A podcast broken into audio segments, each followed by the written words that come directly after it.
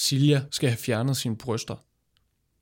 På grund af en genfejl har hun en ekstra høj risiko for at få brystkræft i løbet af sit liv.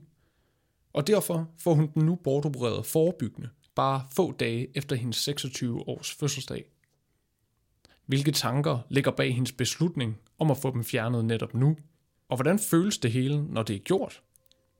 Silja har sagt ja til at sætte sig foran spejlet med mig to gange. En gang før operationen, og en gang efter. Vi ser os i spejlet hver dag. Som regel er det i forbifarten. Vi scanner lige kort, om vi ser ud, som vi skal, inden vi fortsætter vores dag. Vi ser det samme spejlbillede igen og igen i små øjeblikke. Men hvad sker der, når vi tager os tid til at se os selv i spejlet? Hvad ser vi, hvis vi ser os selv i øjnene? Sådan rigtigt. Hver uge vil vi besøge fem unge og bede dem om at bruge en time i selskab med deres eget spejlbillede. Jeg hedder Victor Hempel Mytskov, og du lytter til spejl.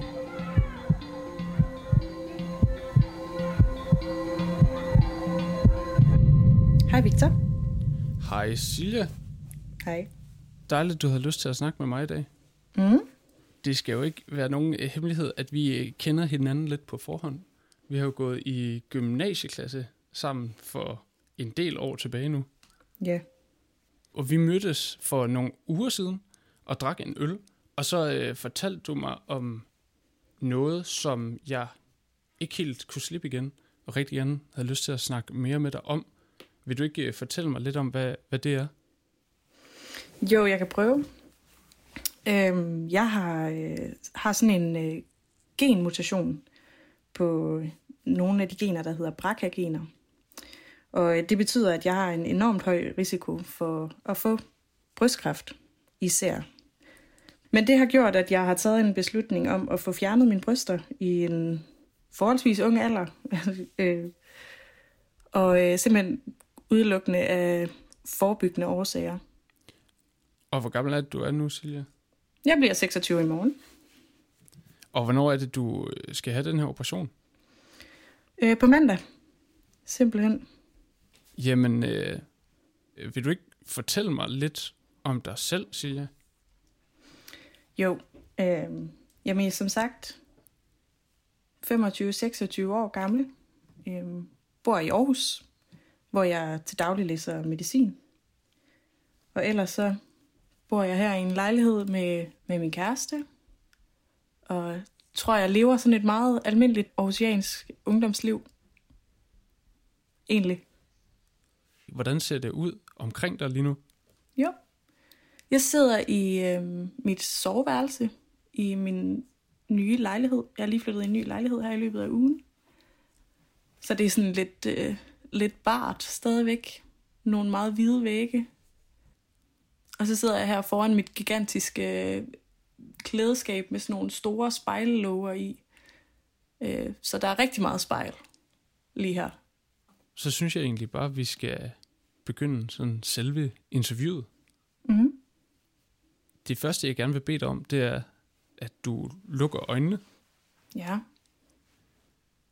og så vil jeg høre, om vi ikke kan lave den aftale, at du øh, ikke flytter blikket fra spejlet, før vi er færdige med at snakke sammen her nu. Jo, jeg skal prøve. Perfekt. Så vil jeg bede dig om lige at tage sådan et par dybe vejrtrækninger.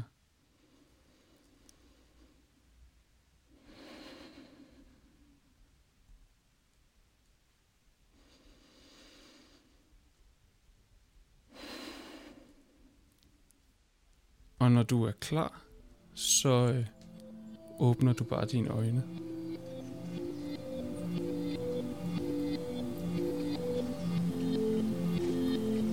Jeg hedder Silja, og jeg sidder foran spejlet.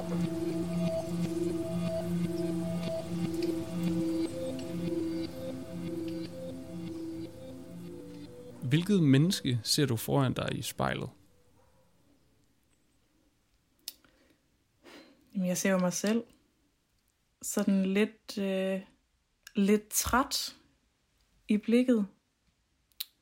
Måske også en lille, en lille bekymret rynke i panden. Hvorfor tror du, den er der? Mm, dels fordi, at jeg ikke ved, hvad det næste, du vil spørge om er. Og måske også fordi, at jeg går en uge i møde, hvor jeg heller ikke rigtig ved, hvad der kommer til at ske.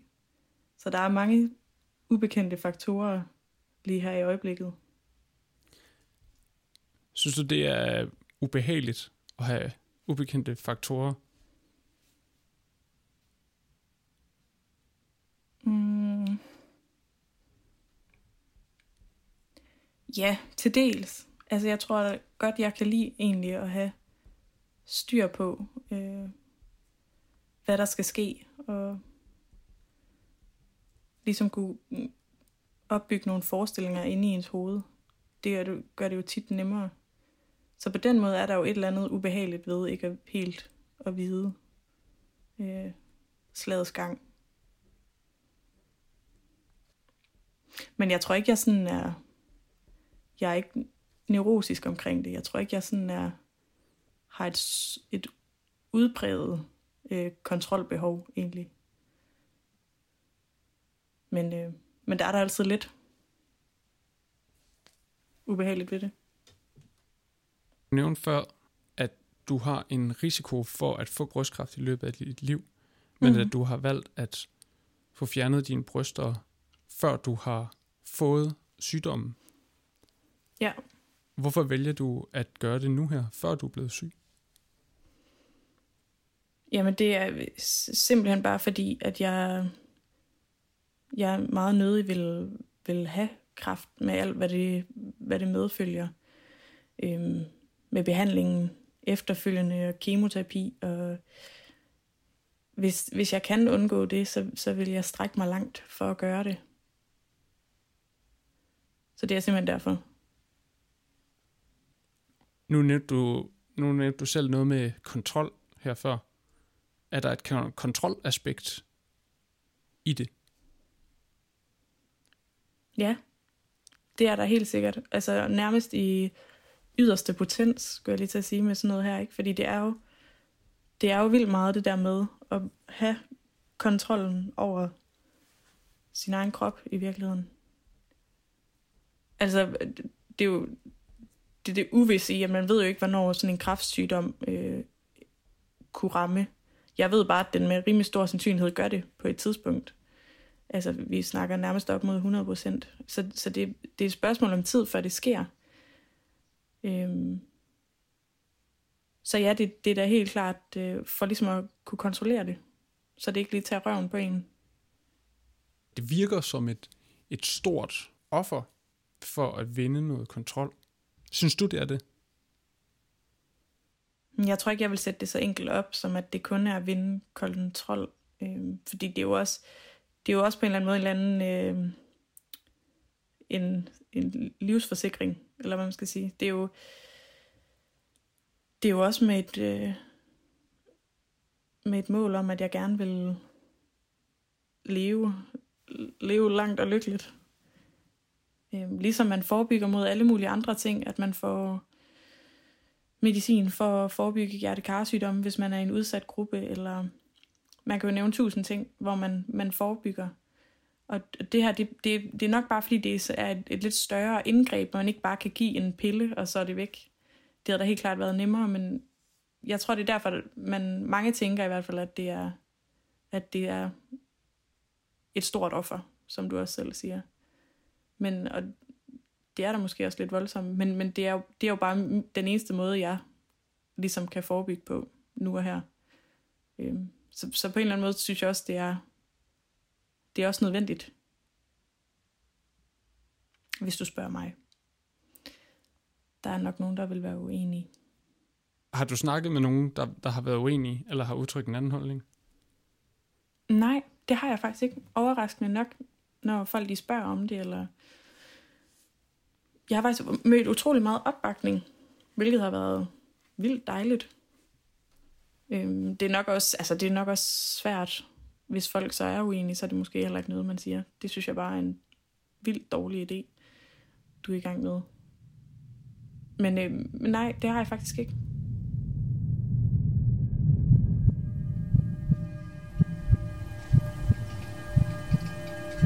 Jeg hedder Silja, og jeg kigger mig selv i spejlet.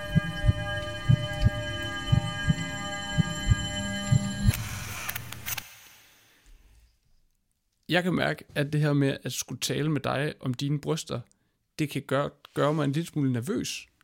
Og jeg tror blandt andet, det er fordi, jeg ikke selv ved, hvordan det er at have bryster, eller hvad det er at have bryster betyder for en. Mm. Øhm, vil du ikke prøve at forklare mig, hvad betyder dine bryster for dig? Jo. Øhm, jo, men det, det tror jeg også, at der er, er store forskelle på, alt efter hvem man spørger. Altså mange vil jo nok mene, at det er, det er der, al kvindeligheden sidder. Men jeg tror for mig, jeg har jo også altid, øh, eller ikke altid, men jeg, jeg har vidst det her i rigtig mange år, lige siden jeg var ung teenager, at jeg havde den her øh, genmutation. Så for mig har mine bryster altid været et eller andet et eller andet sygt, eller sådan, det har altid været, jeg ved godt, de ikke er syge nu, men, men det har altid for mig været noget, jeg ikke har knyttet mig så meget til, fordi jeg vidste, at det var ikke, det var ikke evigt med dem. Øhm. Så jeg tror, for mig har jeg ikke sådan, jeg forbinder det ikke med, med at det er der, min kvindelighed sidder, eller ja. Men jo, altså jeg, det, det er da en kæmpe del af kvindekroppen. Og jeg kan godt forstå, at der er mange, der,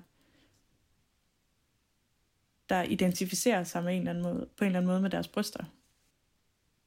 Men øhm, ja. Man kan sige, jeg har jo også, altså jeg har jo en, en mor, som også, også fik brystkræft i en, i en relativt tidligt alder.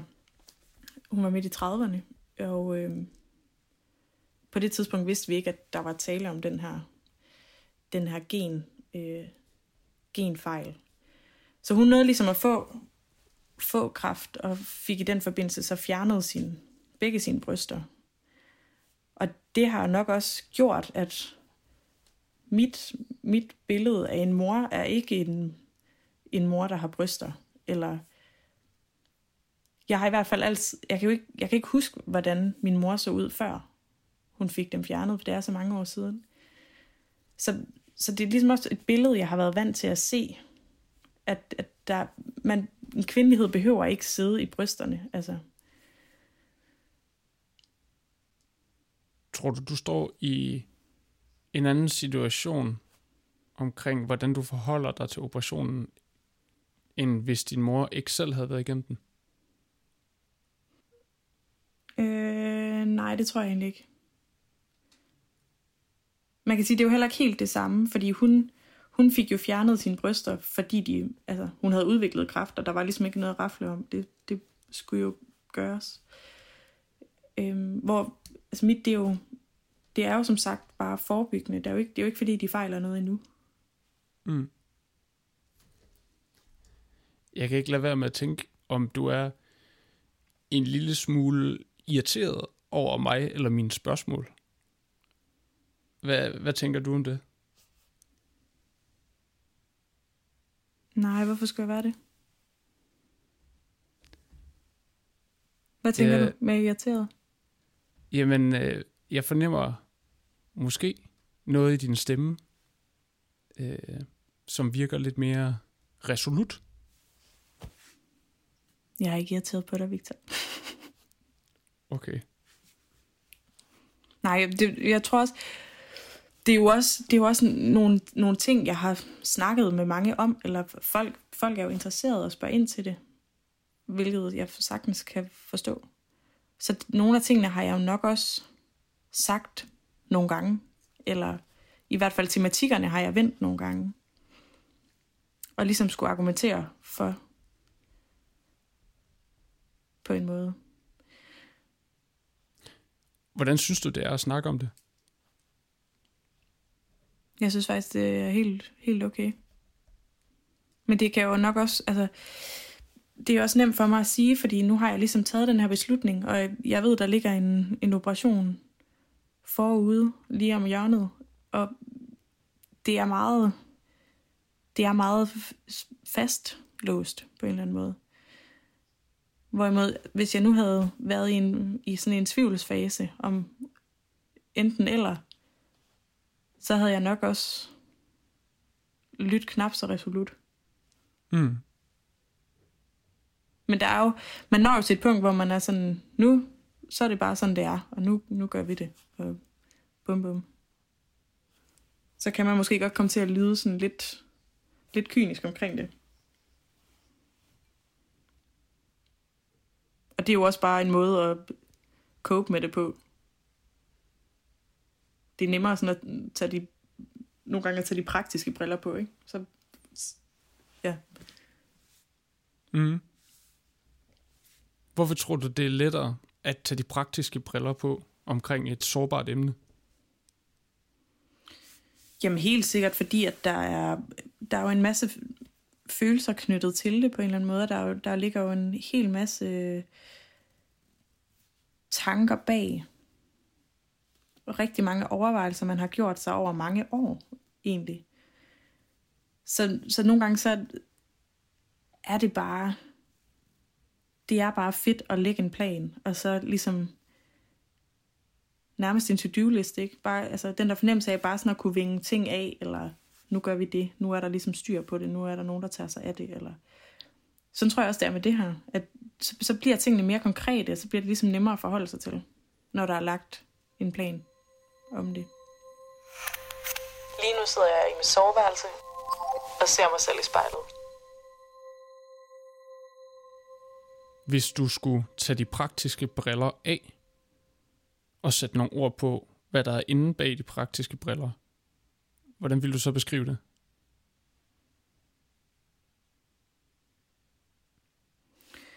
Jamen, så er der vel egentlig en masse... En masse frygt for at blive syg. Det er jo det, er jo det der er hele hele motivationen for at gøre det her, ikke? Det er jo, det er jo simpelthen bare at undgå at blive syg.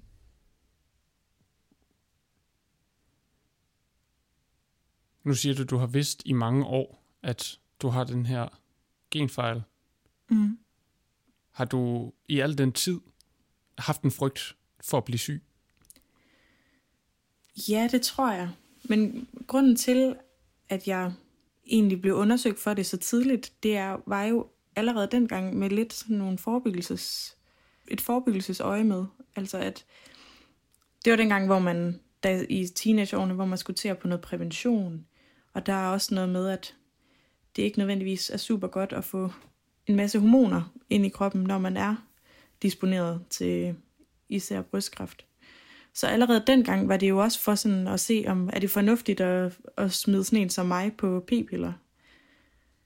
Så, så den, bare lige for at vende tilbage til spørgsmål, altså frygten for at blive syg dengang, fyldte nok egentlig heller ikke så meget.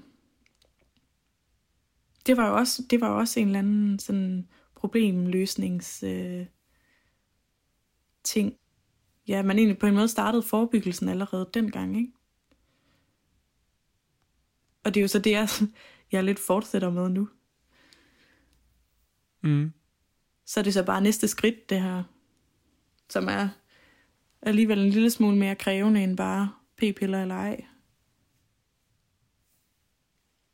Prøv at forestille dig, at du sidder og kigger på en fremtidig version af Silja i spejlet en, der lige er kommet ud fra operationen. Hvad vil du gerne sige til hende? Du må gerne tale direkte til hende. Nu er det, nu er det overstået. Fandme godt gået. Så er det bare, så er det bare fremad herfra.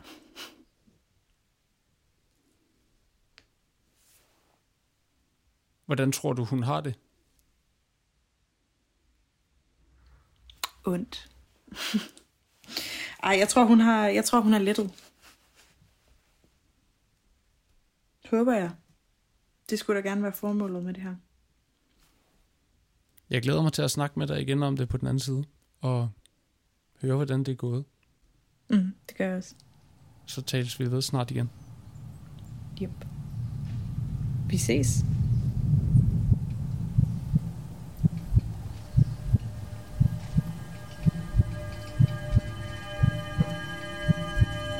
Hedder Silja, og jeg ser mig selv i spejlet.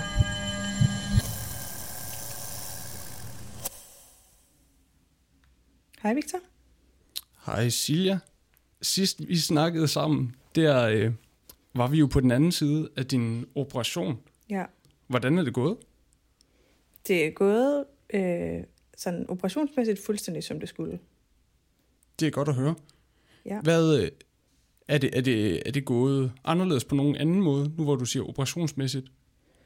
Øhm, nej, altså, det er nok mere for at sige, at det... Øhm, altså, jeg har også haft det, altså, været meget træt og været sådan lidt skidt nogle dage og sådan nogle ting.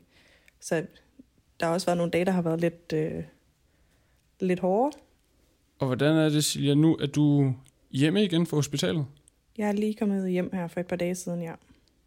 Hvordan er du placeret i lejligheden? Jamen, jeg sidder lige nu inde i min sofa.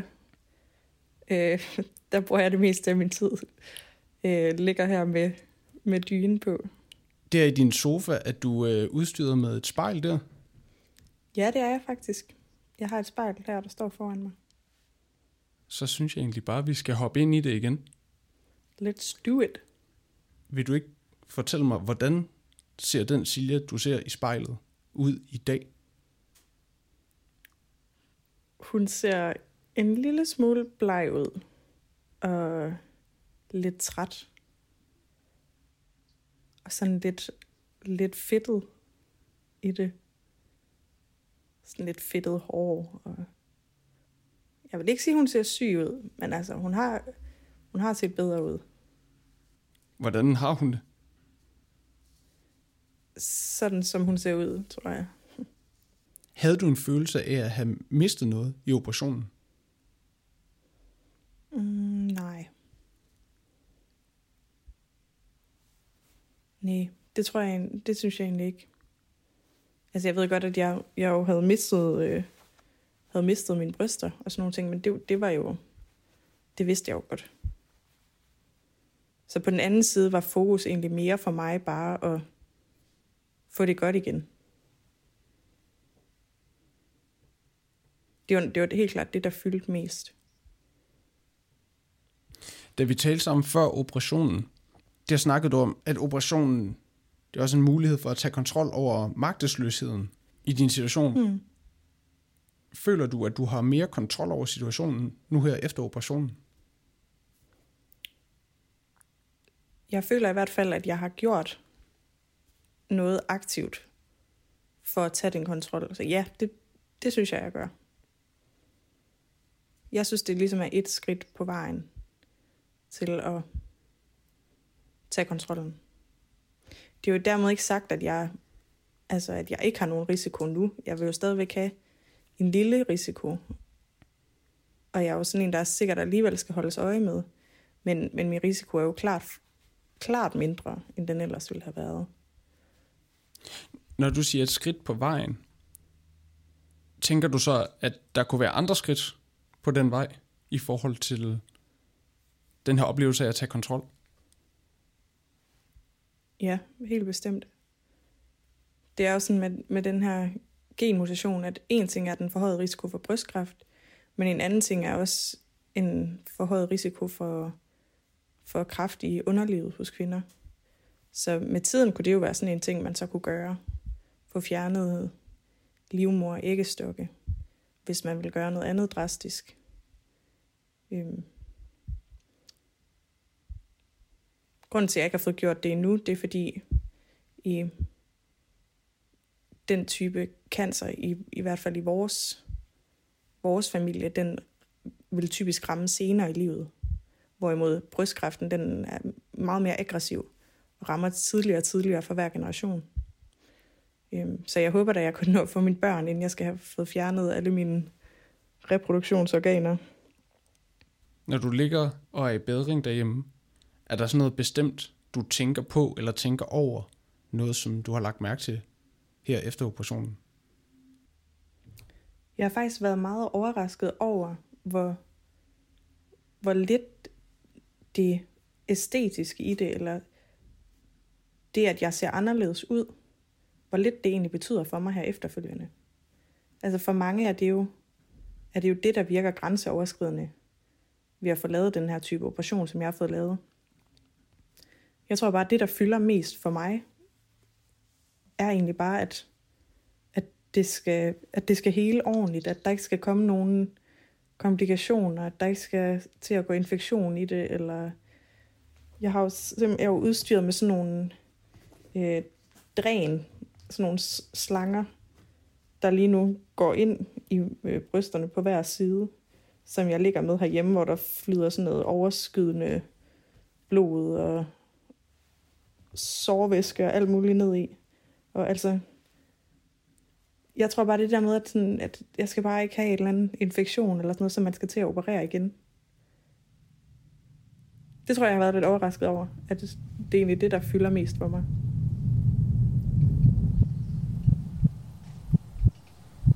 Jeg hedder Silja, og jeg ligger foran spejlet.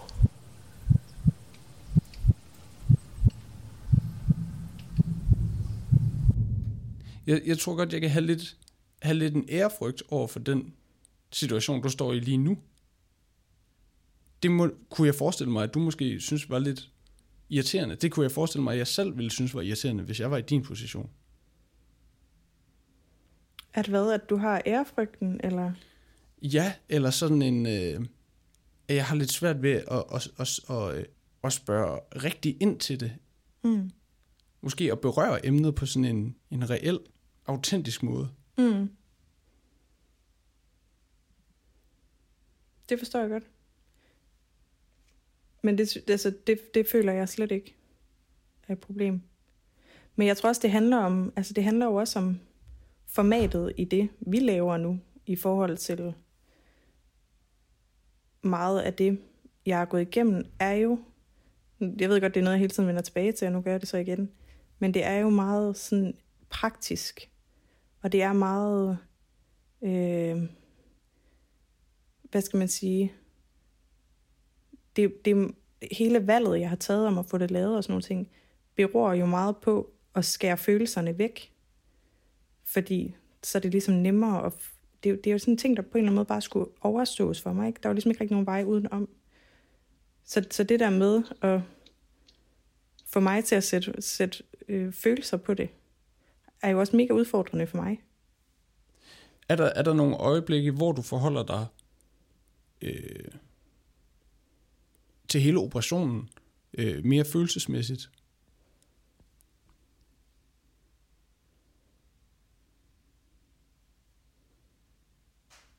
Nej, det er der faktisk ikke. Og især ikke her på den anden side. Altså før operationen var der jo mange overvejelser i det, som vi også snakkede om før. Det der med, mm. det, det er et andet selvbillede, man har, efter, man, eller man kommer til at få efterfølgende. Og der er jo mange, mange overvejelser, man gør sig inden sådan en operation. Men her efter det er gjort, så, så, det, så er det jo gjort. Altså, så, så er det i hvert fald ikke min... Jeg tror ikke, der er noget godt i at blive ved med at dvæle ved en eller anden tvivlsfølelse, eller sådan nogle ting. Det, det, nu, man må bare komme videre, eller sådan arbejde ud fra det, man har. Og nu ser min verden sådan her ud lige nu. Så lige nu, der handler det bare for mig om at komme ovenpå igen og blive, blive fit for fight. Ja. Og så vender jeg jo tilbage til mit gamle liv, som er forhåbentlig præcis det samme. Altså, der er lige et andet selvbillede, men det, det tror jeg bare, man vender sig hurtigt til. Håber jeg. Hvordan er det anderledes, det selvbillede? Jamen altså, både rent fysisk, at man ser anderledes ud, når man kigger sig selv i spejlet. Men også bare, at man... jeg tror også for mig, er der også en eller anden stolthed i det. Altså at sige, nu har jeg, jeg har taget den her beslutning, og jeg har gjort det, og jeg er kommet ud på den anden side, forhåbentlig stærkere. Ja, det er også fedt det der med, som vi har snakket om, jeg ved ikke, om man skal kalde det at tage kontrollen over det, men det kan vi sagtens. Men når det er noget, der har ligget i ens bevidsthed så lang tid, så er det egentlig også meget fedt det der med endelig at sådan rent faktisk at kunne gøre noget ved det, der, der batter noget. Tror du, det påvirker eller kommer til at påvirke dit selvbillede? Det, at du nu har truffet den her store beslutning, at du ligesom har, har bevist, at du kunne træffe den? Det håber jeg. Jeg synes, øh, det er i hvert fald værd at lige at give sig selv et skulderklap en gang imellem. Sådan, bare at sige, at man gjorde det. Og ikke skal tænke mere på det på et andet tidspunkt. Eller sådan, ikke skal tage igennem det senere. Fordi man turde, turde at gøre det. Er der et ord eller en følelse, du kan sådan koge det her forløb ned til?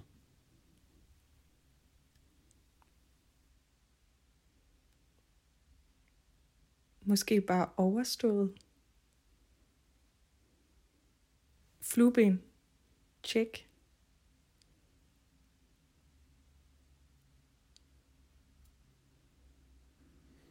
Det synes jeg er, er et godt sidste ord.